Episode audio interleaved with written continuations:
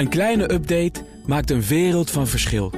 Daarom biedt IKEA voor Business Netwerk gratis snelle interieurtips en ideeën. Word gratis lid en laat je werkplek voor je werken. IKEA, een wereld aan ideeën.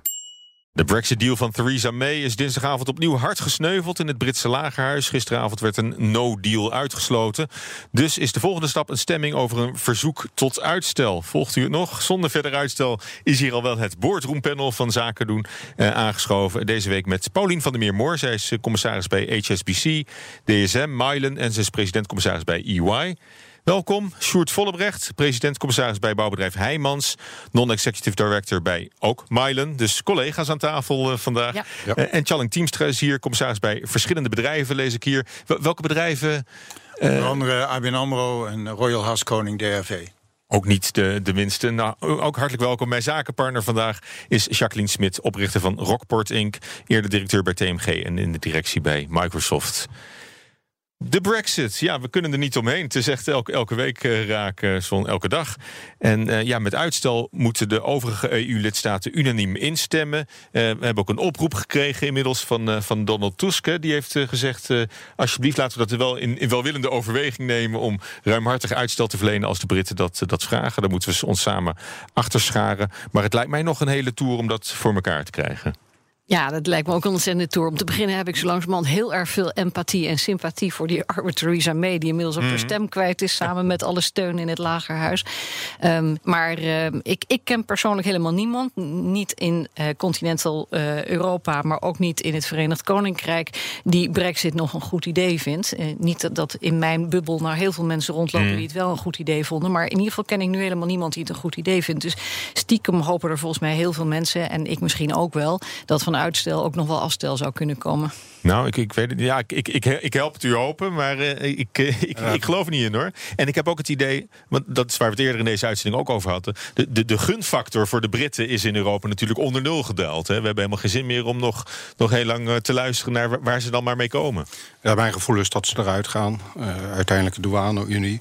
Ehm, en ja, wat, wat er gebeurt, het is een politiek probleem... wat op een technocratische manier is aangevlogen door de premier... en met ja, halstarrigheid, dogmatisme...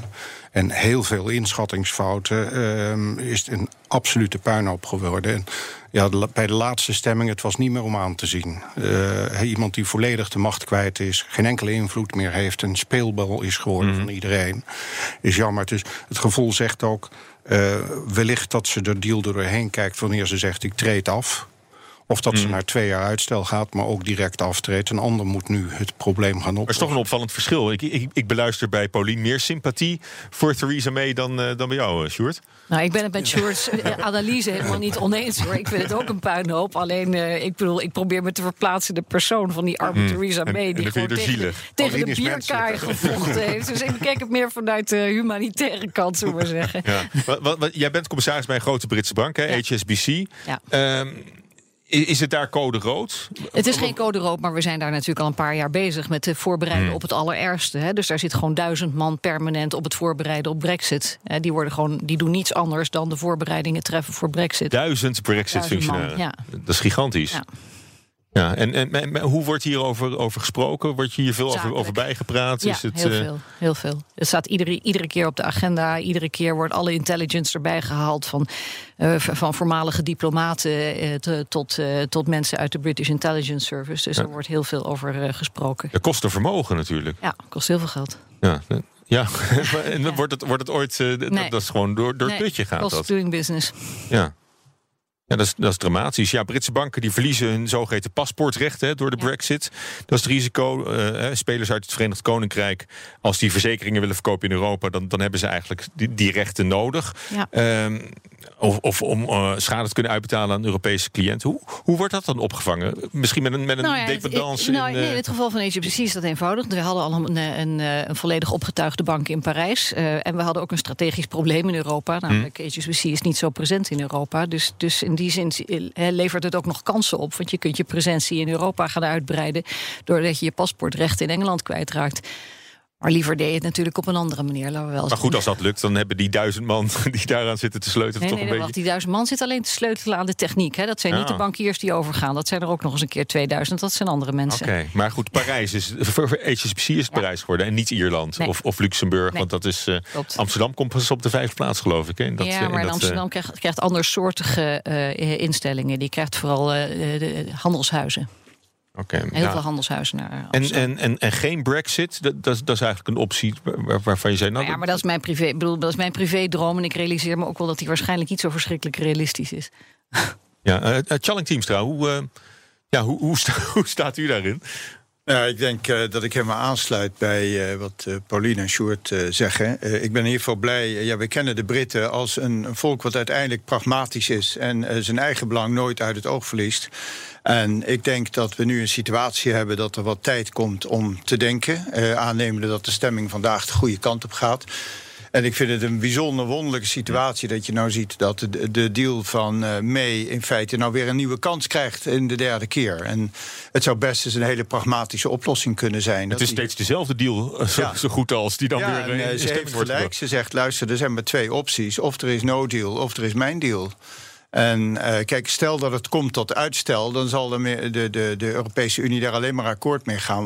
wanneer, dat een, een concrete doelstelling heeft. En daarmee komt er weer een nieuwe speler in het veld... die in feite tot nu toe aan de zijlijn heeft gestaan... en dit proces heeft bekeken, met een zekere verbazing misschien...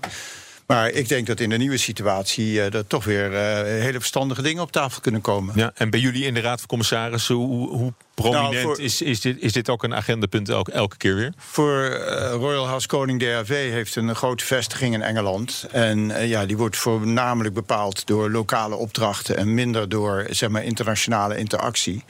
En voor ABN AMRO geldt niet wat voor HSBC geldt. Wij zijn sterk op Nederland geconcentreerd. En eh, is de, wordt de impact niet enorm groot geacht. Ja, to- toch best een groot kantoor eh, in de city, of niet?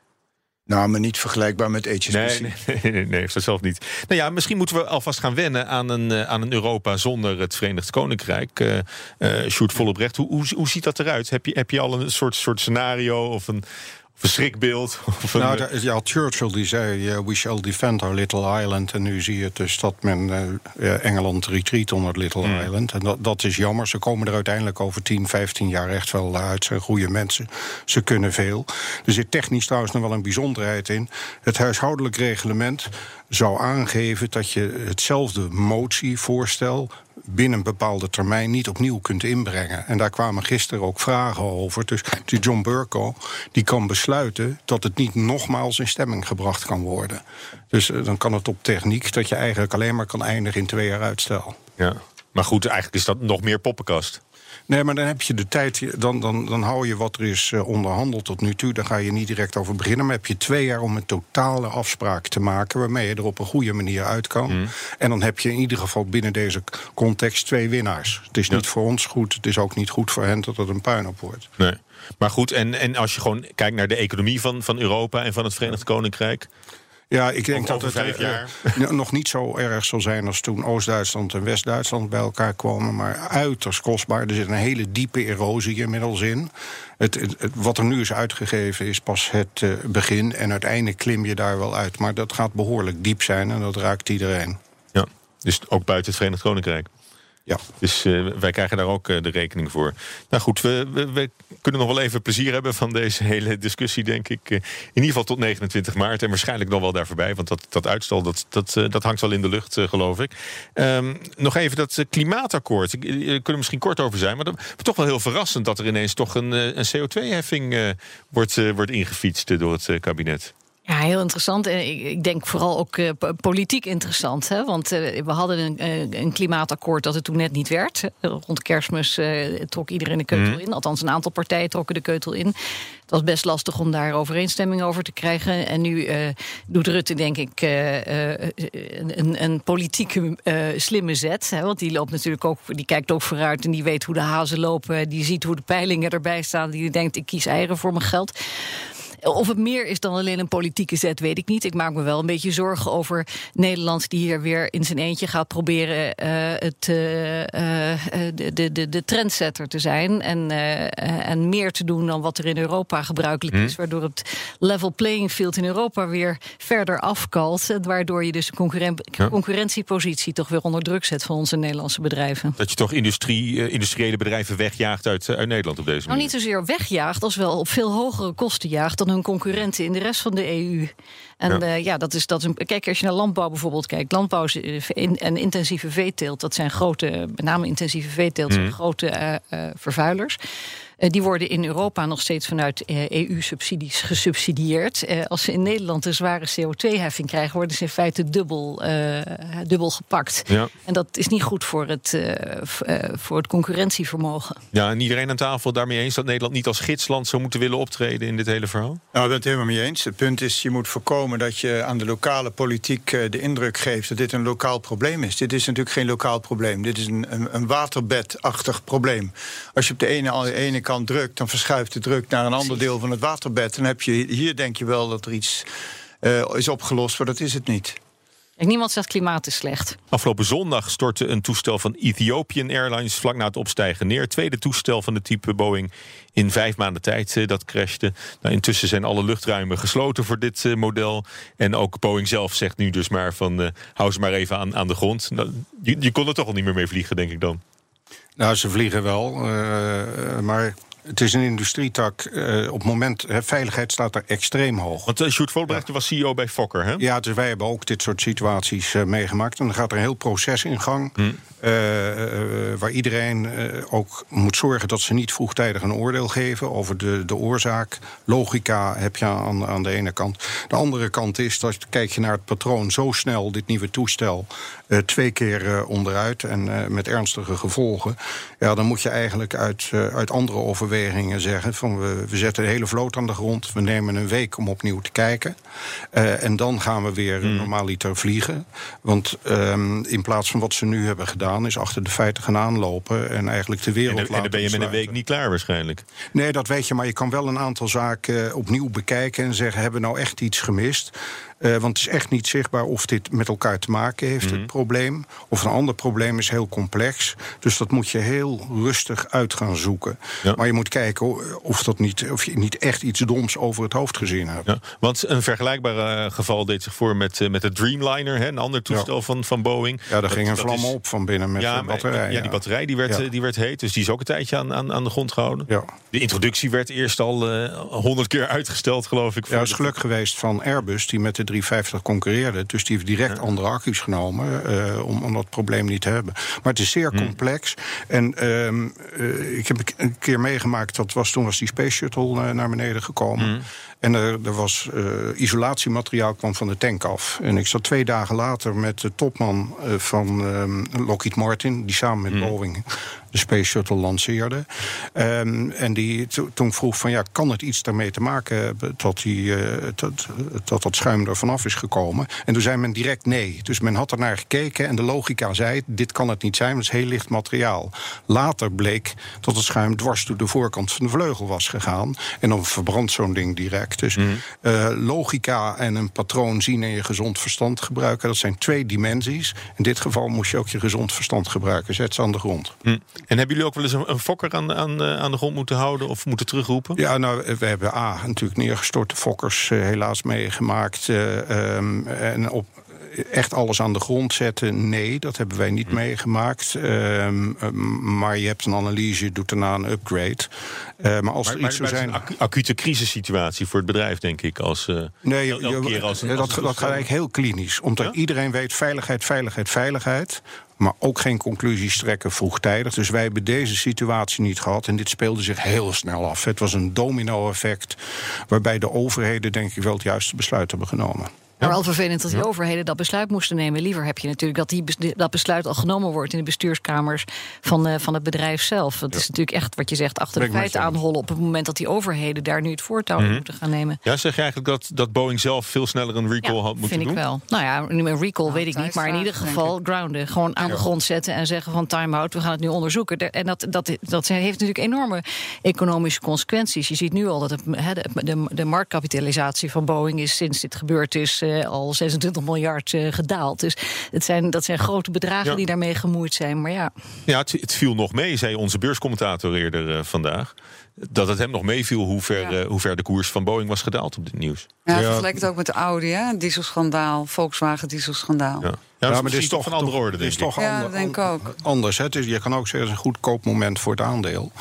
uh, want er ligt een ordeboek op dit toestel dat is zo groot. En uh, bij het ene toestel lijkt het iets met de sensoren te zijn geweest. Die, die software, dus op een gegeven moment lossen ze dat wel op. De grote klappen komen wanneer ze niet de nieuwe toestellen kunnen gaan afleveren aan de afnemers. Want dan krijg je enorme boetes. Ja. Mm. En loopt gewoon de hele toeleveringsketen vast. Dan heb je grote schade. Maar zover is het nog niet. Ja, uh, Charlie Teamstra, zo'n zo crisis in, in, in een bedrijf, ook in, in de boardroom, zo'n zo'n acute kwestie ook wel eens meegemaakt? Ja, absoluut. Uh, wat heel belangrijk is, uh, ik heb dan een historie in, uh, in onder andere fast moving consumer goods. En daar is altijd het issue als er een productprobleem ergens naar boven komt. Uh, ga je dat, hoe ga je daarmee om? Nou, ik denk dat inmiddels de inzichten wel zodanig zijn, zoals Pauline ook terecht zegt, dat je dit buitengewoon snel moet escaleren binnen een bedrijf. En dan proberen in te schatten wat de trade-off is tussen de schade die je hebt aan het nemen van drastische maatregelen en de minder heldere schade van als je die maatregelen niet neemt.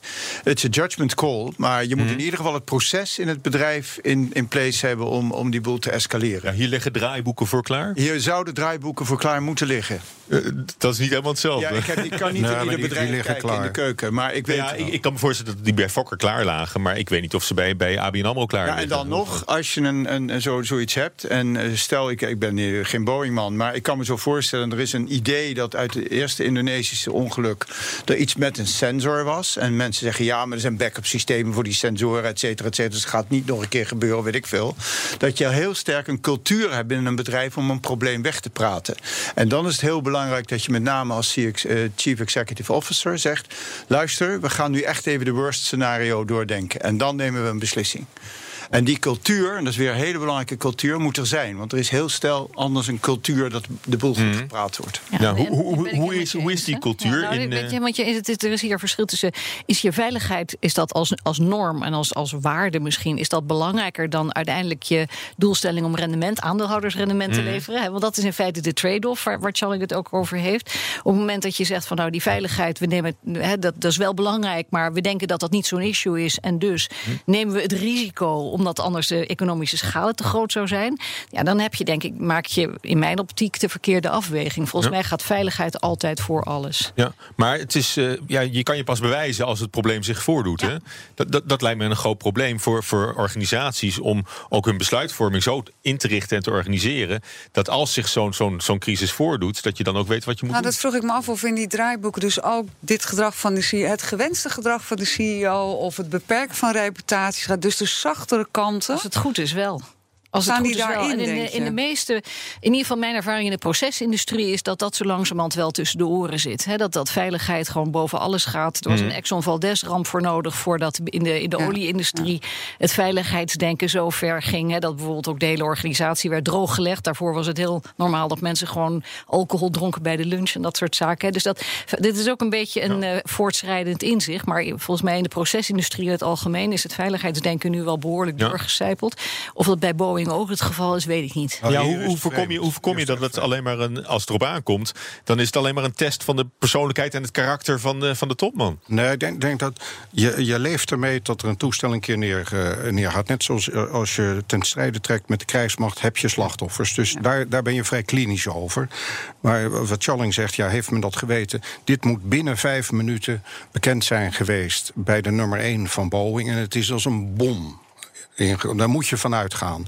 En het veiligheid denken is groot. Dus ik denk echt dat men gezegd, ja, rationeel hebben we geen reden dat er echt iets fout is met, uh, met dit toestel, 350 vliegen er, dat we ze aan de grond moeten houden. Uh, maar de andere kant is niet ingeschat dat je de regie helemaal kwijtraakt. Ja. En de, en de beeldvorming bij het publiek. En, ja, en. En, en, en, de maatschappijen en de, en de landen. Dus dat is. Uh, en nog even over dat uh, draaiboek waar jij het over had. Uh, dit, een situatie staat nooit in een draaiboek. Een draaiboek loopt eigenlijk altijd achter de feiten aan. En daarom is het zo belangrijk dat je realiseert dat die cultuur de heldere is. En dat, het is altijd principles boven rules wat dit betreft. Ja. En dat, nou, dat, dat dacht, bedacht ik net ook. Het, het, hoe je reageert zit voor het moment dat het gebeurt. Want dan gaat het over mentaliteit en over cultuur en hoe gaan we met elkaar om en hoe doen we de communicatie, ja. toch? Ik kan me voorstellen dat het al lang in bed moet zijn in het bedrijf.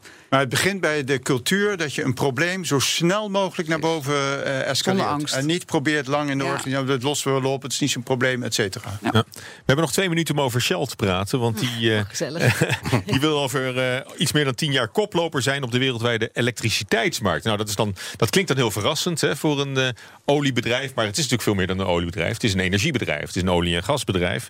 En ja, de elektriciteit komt daar dan nu bij. Hè. Ze kopen een, een windmolenpark of ze doen daarin mee. Um, Paulien, jij, jij hebt vijf jaar lang ja. binnen Shell uh, ja, gewerkt. Dat is een discussie die uh, op gezette tijden opkwam binnen Shell. Uh, Shell vroeger al? Vroeger al, ja hoor. Toen ik er zat, 20 jaar, 30 jaar geleden, was... Ja, sorry, het is een beetje oma verteld, maar speelde dit ook al. Waren er op gezette tijden mensen die zeiden van... het fossiel kan niet eeuwig doorgaan, dus we moeten iets aan hernieuwbare energie doen. en dan was het altijd de vraag, maar wat dan? Moet het dan waterstof zijn? Moet het dan elektriciteit zijn? Moet het dan zonne-energie zijn? En dan was altijd de vraag, wat past er dan het beste met ons, bij ons competenties. Nou, nu stappen ze dus in, in elektriciteit, snap ik helemaal. Hmm. We zien uh, de, de ontwikkelingen ook. Hè. Het is natuurlijk voor de hand liggend dat je, uh, dat je benzine tankt of diesel tankt of gas tankt en tegelijkertijd ook nog elektriciteit zou Mm. kunnen tanken met al die elektrische auto's die inmiddels op de weg zijn. Dus ik snap dat heel goed als een keuze. de vraag is een beetje hoe je dat doet. Ga je in één keer een hele grote capaciteit daar opbouwen door bijvoorbeeld een acquisitie te doen of doe je het zoals Shell doet? Hoe radicaal maak je die het met omslag? kleine stapjes. Die gaan gewoon voorzichtig eerst een teen in het water steken en kijken of het past bij wie ze zijn. En is dat voldoende, genoeg in, in, jouw ogen? Dat is een strategische keuze die ze maken. Ze hadden ook kunnen besluiten om uh, te wachten tot Tesla uh, op de markt kwam Hmm. en dan uh, de batterijen van Tesla te kopen. Ja, dat kunnen ze ook doen. Dan Ja, gaan ze in de batterijenbusiness. Want ze hebben jaarlijks zo'n 25 miljard euro te investeren. Nou, daar gaat dan 1 tot 2 miljard van naar duurzame stroom. Ja, dat past bij de strategie van voorzichtige renewables opbouwen. Je zou het ook wat grootscheepser aan kunnen pakken. Maar ja, dat is een strategische afweging, die moeten ze zelf maken. Maar het had wel wat eerder gekund. En het, het had zeker eerder gekund. Het is dus absoluut. Het, eerder beleid wat, ja. wat, dit, uh, wat dit bepaalt. Ik moet het hierbij laten, want de tijd zit er helaas alweer op. Maar ik dank jullie hartelijk. Boardroom Panel. Sjoerd Vollebrecht, president-commissaris bij Heijmans, het bouwbedrijf... en non-executive director bij Mylen. Challing Teamstra, commissaris bij Royal Haskoning DAV en bij ABN AMRO. En Paulien van der Meermoor, zij is president-commissaris bij EY... maar ook commissaris bij HSBC, DSM en Mylen. Mijn zakenpartner vandaag is Jacqueline Smit. Dankjewel. Fijn dat je er was. weer. Ja. Oprichter van Rockport Inc. Eerder was je directeur bij TMG en zat je in de directie bij Microsoft. Als ondernemer hoef je niet te besparen op je werkplek. Want IKEA voor Business Netwerk biedt korting op verschillende IKEA-producten. Word gratis lid en laat je werkplek voor je werken. IKEA, een wereld aan ideeën.